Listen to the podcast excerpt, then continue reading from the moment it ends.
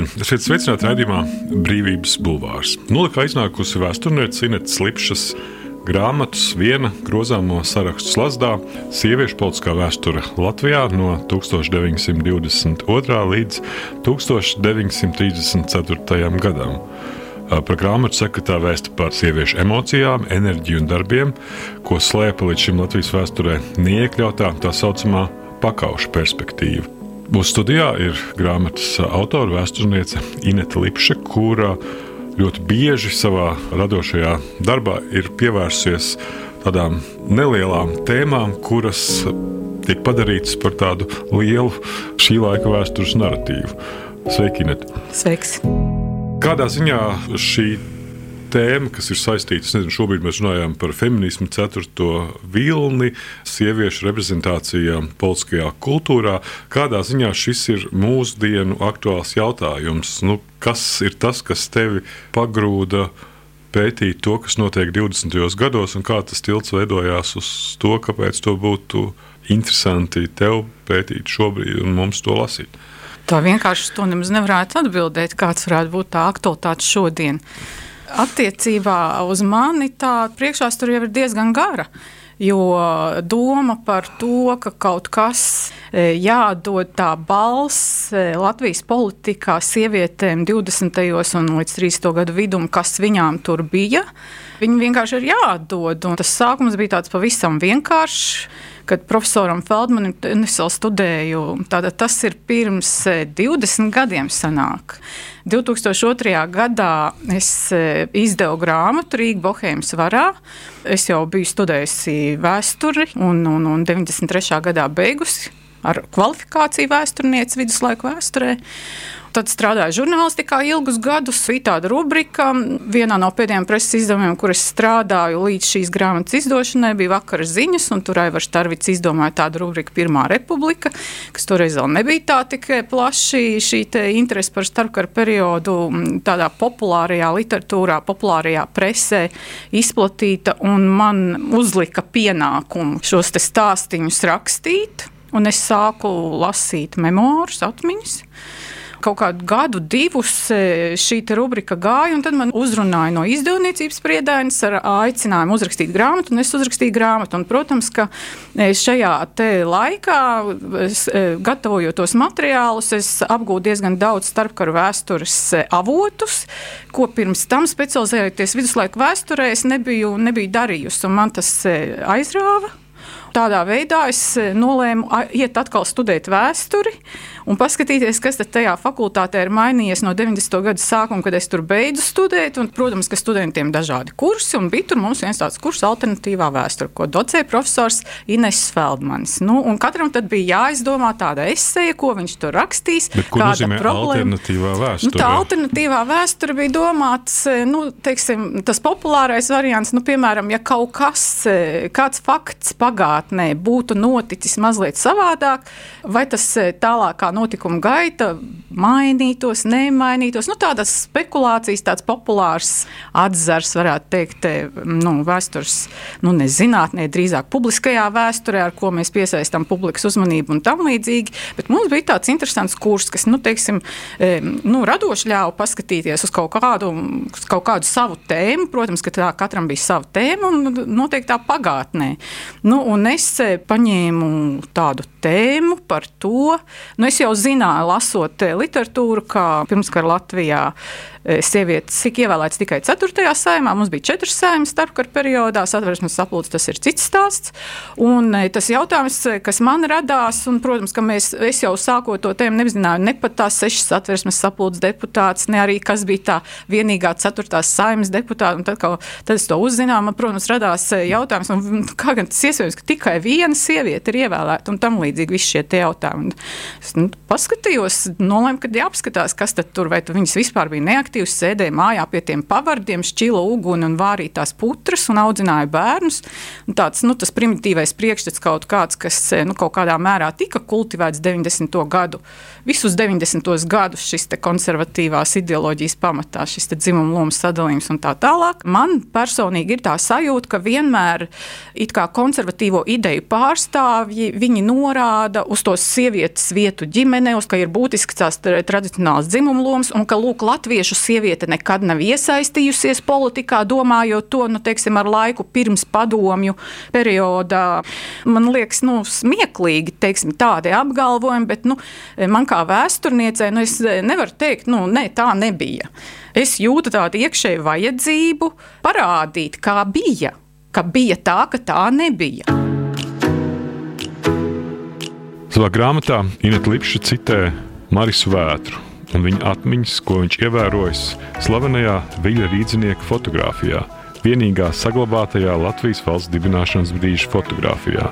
Tā iezīmēja vietu, no kuras notiekušo vēroja tobrīd 21 gadu vecā Līlija Pārupe.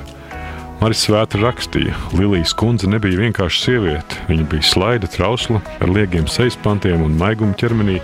Viņai bija pērno salmu dzelteni mati, un tos viņa nesāja tik dižā pinumā virs smaigās galvas, ka dūrās acīs pat simgālainā pūlī. Viņas atklātais slaidais Lilijas ziedam līdzīgais pakauss ir vēsturisks.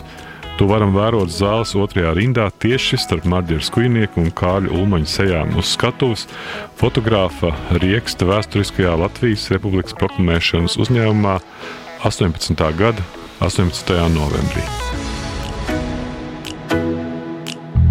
Mēs tā ieskatāmies tajā fotografijā, tad tiešām e, tur ir viņš arī apraksta, kā viņi tur izskatās ar to vīgo kakla profilu un tā tālāk. Tā ļoti, nu, protams, ar vīriešu skatu, bet es tā to bildi paskatījos un um, pārdomāju, jo es jau šo ievadu rakstīju pēc tam, kad es biju uzrakstījis visu pētījumu.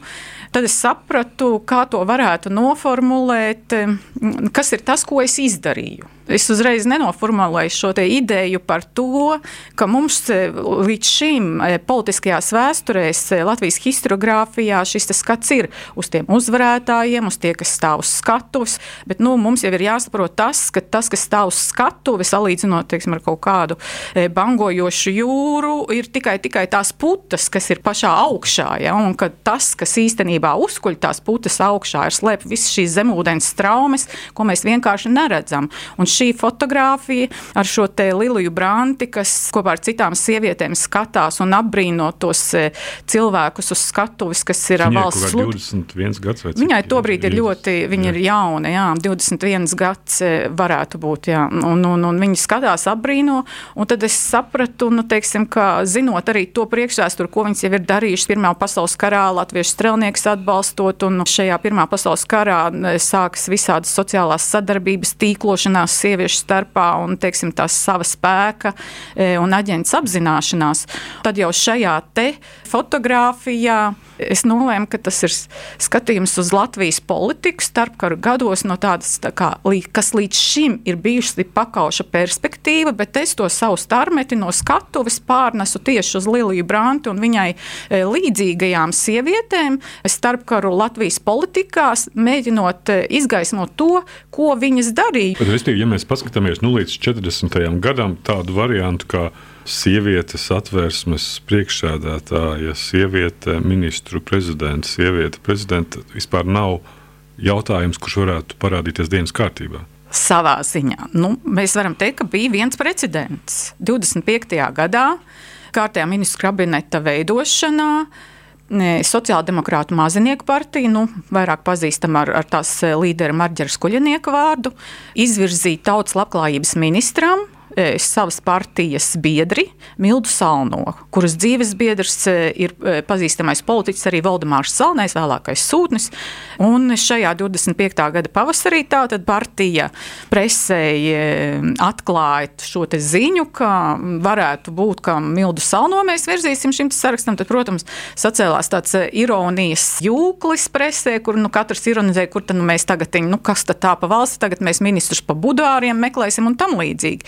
Tas beidzās ar to ļoti ātri, beidzās dažu dienu laikā, jo, protams, topošās koalīcijas labējās partijas, tajā skaitā Latvijas Zemnieku savienība ar Kārlu Lūmu priekšgalā, viņas šo ideju noraidīja. Protams, diemžēl mums nav tādi protokoli, kur šīs debats būtu fiksēts, kas būtu ļoti interesanti, protams.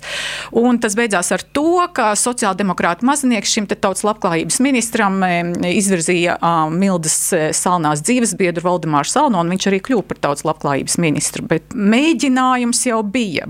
Bet, ja mēs runājam tagad par atjaunoto Latviju un, un teiksim, pēdējiem vēlēšanu rezultātiem, Nu, es domāju, ka, ka patiesībā to attieksmi pret sievietēm politikā un tam līdzīgi, ka to jau lielā mērā noteica tieši padomu perioda vēsture. Kas normalizēja e, savā ziņā, protams, savā izkropļotā veidā arī bieži, bet savā ziņā normalizēja to, ka sieviete var strādāt jebkurā nozarē, kurā viņi to vēlas. Tas ir e, izskaidrojums, kādēļ mums, piemēram, atmodas līderu vidū ir ļoti daudz spilgtas sievietes, kuras ir atmodas elites pārstāvjas. Ja, es domāju, ka tas ir viens no izskaidrojumiem. Mm ka tas ir nevis e, kāda pirmskara Latvijas, ka tā ir nevis kontinuitāte ar e, pirmskara Latviju, bet tas, tas ir, ir nu, teiksim, tā pieredze, kultūras. kas ir. Jā, kas ir jo ķēmas kulmi jau tajā brīdī jau ir politikā patiesībā, jā, kad sākās atmot. Arī. Tas man liekas, ir kaut kas līdzīgs ar to, ko tas man šķiet, Daina Blēja raksta tajā pašā ārpolitikas institūta grāmatā par sievietēm ārpolitikā un drošības struktūrās.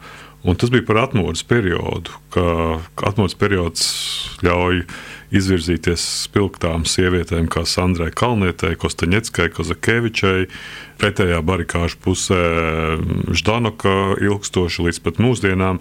Un tad vienlaicīgi viņi raksta, ka publiskajā diskursā atmodas laikā kļūst populāra ideja par to, ka sieviešu aktivitāte darba tirgu un politiskā dzīvē ir tāds padomju ideoloģijas uzstādījums un ka sievietei ir jāatgriežas privātajā dzīvēm. Tas ir tas, tas ko ir es kaut saku. kas līdzīgs kā to brīdi pēc tā Pirmā pasaules tā, kara. Tā ir. Jā, vispār ir iespējams vilkt kā kādas asociācijas, tad tieši šo atmodas periodu un sieviešu aktivitātu un ienākšanu politikā, kā tu teici, tad viens ir jau no padomu perioda, kuras jau ir politikā, un tad ir šīs te e, nacionālā viļņa, atjaunotās biedrības un tās daudzās sievietes, kas darbojas šeit, un viņas uzskata par savu pienākumu, ka nu, nācijai ir grūti laiki, mums ir jāiet palīgā. Ja?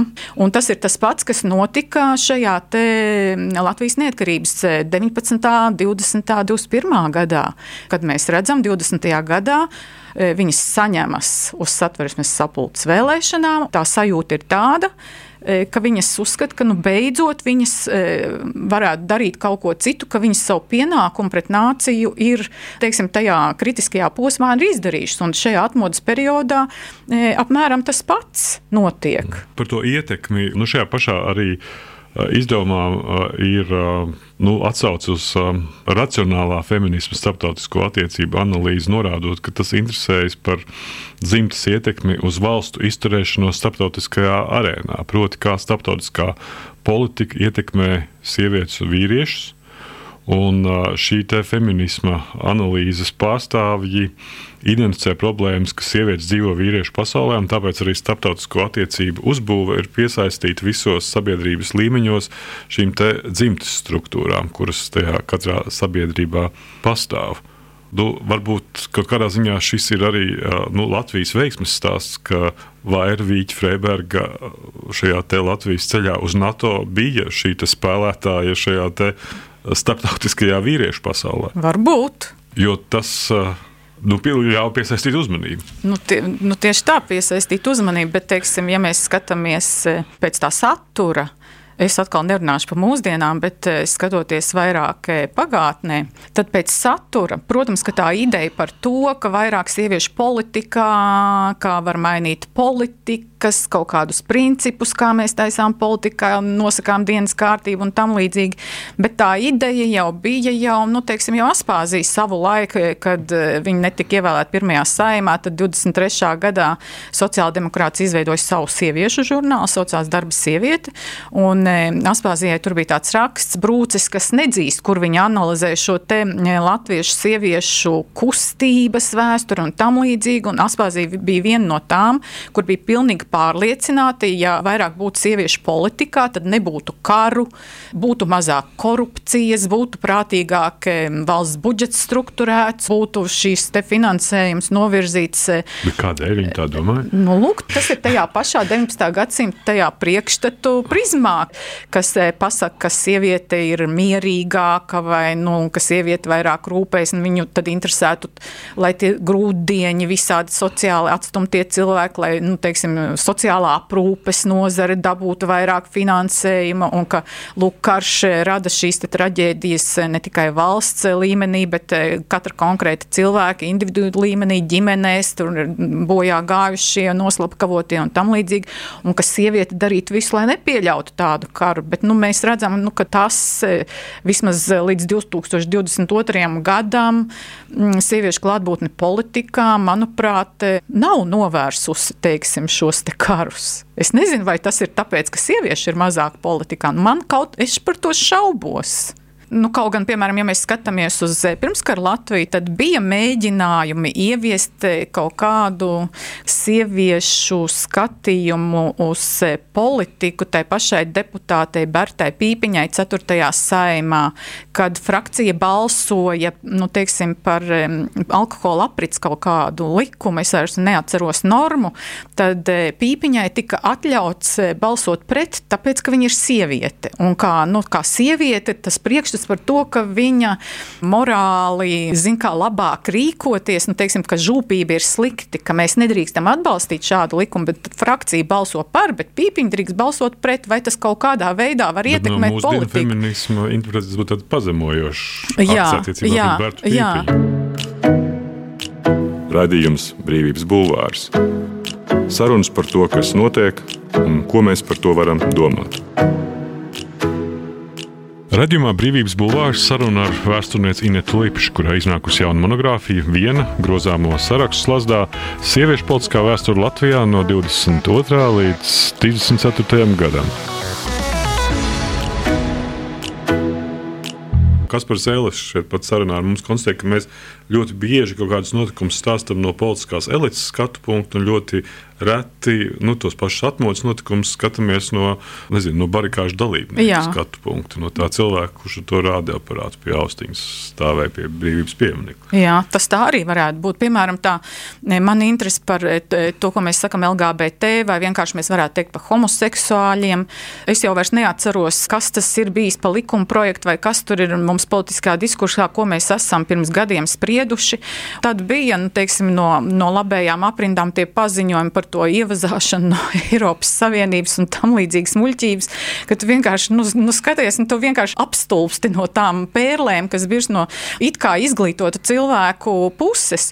Piemēram, ja, ja es zinu, kā bija starpkara periodā, kā cilvēki mēģināja dzīvot, ko par viņiem apkārtējie teica un kā domāja, un tad ir svarīgi, ka tu parādi, kā pagātnē ir bijuši ļoti dažādas sociālās grupas, un ka pagātnē šī tolerance pat e, dažkārt ir pat lielāka nekā mūsdienās. Un tad tas e, lielais jautājums ir, e, kāpēc tas tā ir?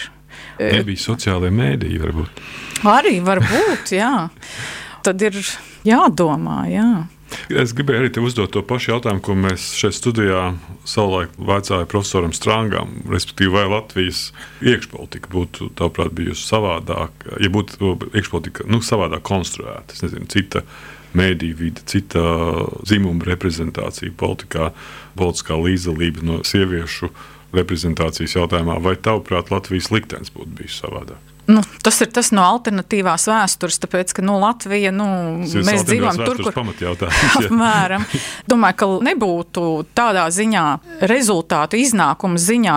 Es eh, ļoti šaubos, vai būtu savādāk, bet tajā iedzīvotāju pašapziņas ziņā, nu, teiksim, salīdzināsim eh, latviešus ar somiem, ja, ka somiem bija šī iespēja karot padomju Savienības karā, saka, kas milzīgi cēla šo viņu pašapziņu un kas bija tāds sociālais kapitāls, kas mums arī varētu būt bijis kāds, nu, es nezinu, vai tas būtu karš vai kas, bet katrā gadījumā, ja Kaut gan es uzskatu, tas ir neiespējami, ka Latvija varētu būt palikt eh, par parlamentārās demokrātijas valsts, ja visapkārt eh, Eiropā, tur, kur mēs eh, visi kaimiņi jau ir autoritārā režīmā, dzīvo, ja izolēta pasaka būtu iespējama, tad es domāju, ka tieši šajā te nacionālās pašapziņas vai vienkārši cilvēciskās pašapziņas plaknē būtu savādāk, bet nezinu.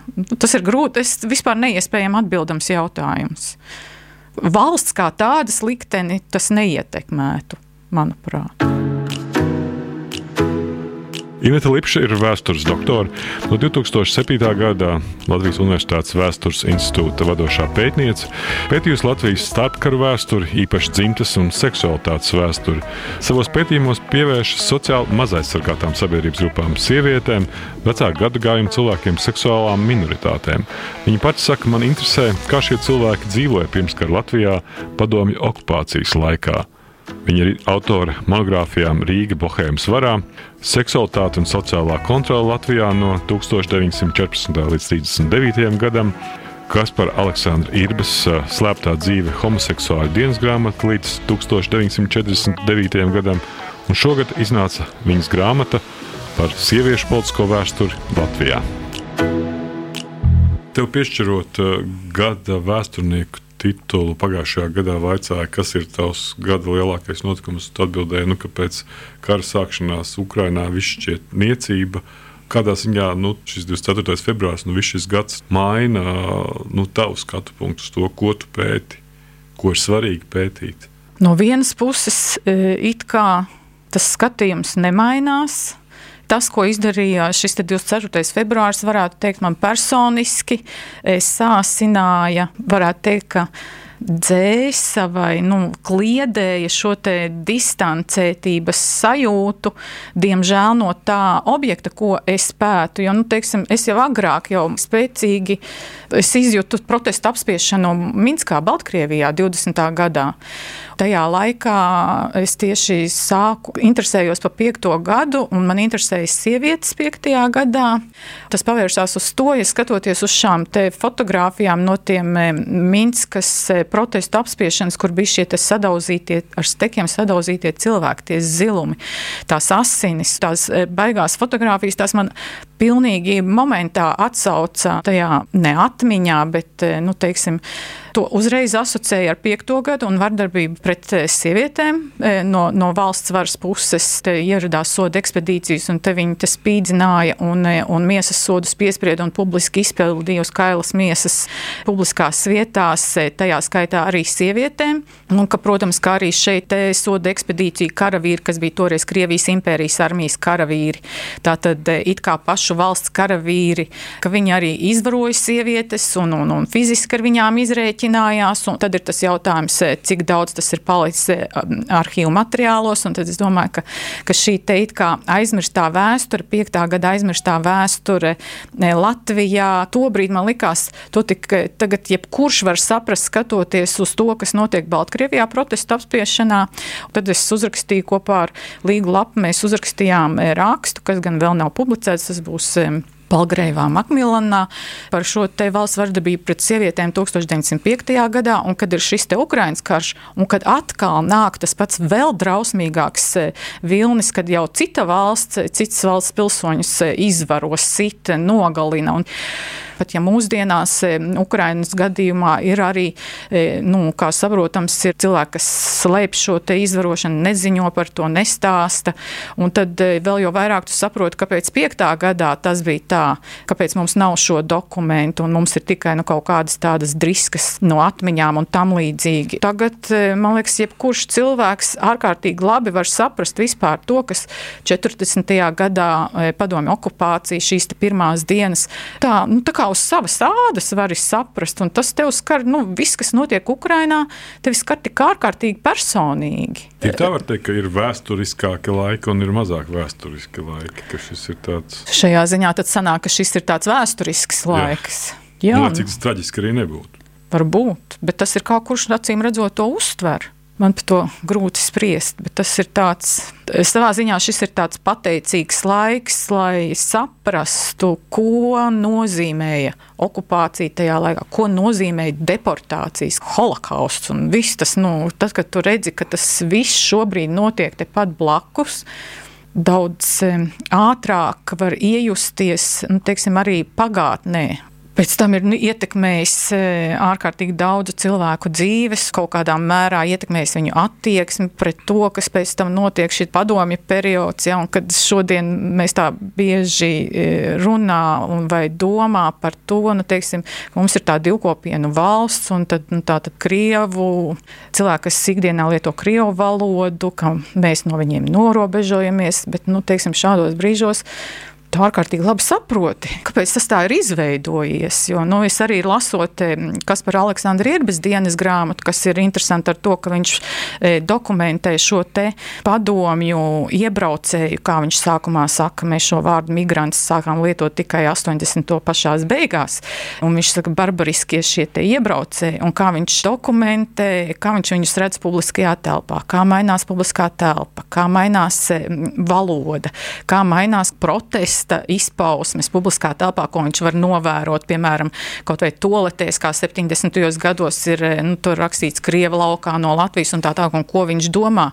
Un ka, ja sākumā viņš, piemēram, ir nu, teiksim, tāds eh, bezbailīgs eh, demokrātijā, audzis tur autoritārajā režīmā, bet nu, tāpat neatkarīgajā valstī, un ka 46. gadā, kad jau tie pirmie iebraucēji, ka viņš ar vienu sēž uz soliņu un, un, un kaut ko runā, un tas viņa sarunas biedrs, kas ir Krievs, nu pat iebraucis, viņš viņš, viņš viņam saka, nu, vajag piesardzīgāk izteikties un tā tālāk, un ka cauri šai dienas grāmatai, jau to 50 gadu garumā, tu redzi, kā tomēr, e, ja viņš, un tad šajā 46. gadā mēs varam teikt, ka viņam ir tāda neatkarīga, brīva attieksme, un ka viņš saka, ko domā svešam cilvēkam, kā pamazām viņu pārņem baiļu sajūtu, un ka viņš jau 70. gados, kad ir, nu, Saharovs un, un vēl citi šie te padomu disidenti un arī nu, tajās ideoloģiskajās avīzēs apspriež šos gadījumus, un ka viņš jau uzdod šos jautājumus, bet vai viņi ir normāli, ir gaidāmas baigas represijas, un, un ka visu laiku nu, šis te, tas 41. 49. gada deportācijas un tā tālāk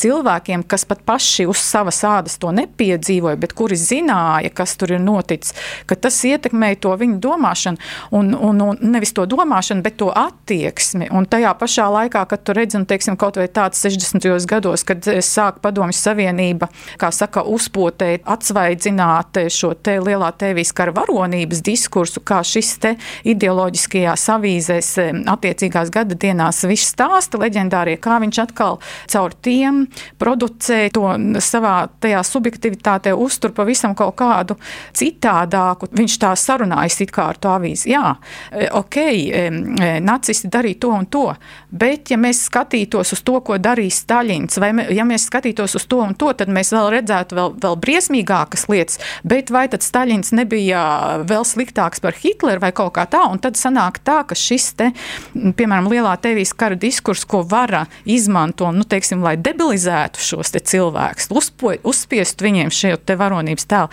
ka viņš eh, pagriež to otrādāk un sāk runāt par mūsu Latviju tautu, kas ir tā cietusi un manā mīļā latviešu tauta un tam līdzīgi, un kā viņš kļūst par šo te no kreisi noskaņot cilvēku 40. gadā, viņš kļūst par pamatīgu nacionālistu. Un, un teiksim, tas, kas notiek šobrīd Ukrainā, un tas pats, teiksim, kā mēs šodien esam spiesti formulēt kaut kādu savu attieksmi, kaut vai pret, nav vajadzības formulēt attieksmi pret karu, bet, nu, piemēram, ko mums domāt un kāds būtu mūsu viedoklis, teiksim, par šo te dožģu gadījumu vai, vai kādu citu ka mēs e, līdz ar to šobrīd mēs e, būtu īstais e, laiks vēlreiz pārskatīt un, un, un lasīt vienkārši to, kas ir noticis padomju okupācijas gados Latvijā. Tas vairs nebūtu tāds distancēts, nu tāds distancēts, kā mēs lasām, nu kaut kas notika un tā, tā, bet tas ir kaut kas tāds, ko, nu citējot klasiķus, mēs laižam caur iekšām. Jā. Paldies! Paldies! Vēsturniece Ineta Lipša, radījuma vadījies Gins Grūba, ierakstīja Toms Šits un montēja Nora Mitspapa. Brīvība ir brīvība. Nevienlīdzība vai taisnīgums, vai kultūra vai cilvēks laime. Tā teica Iesai Berlīns. sarunas ar brīvas apziņas un ideju cilvēkiem raidījumā Brīvības Bulvārs.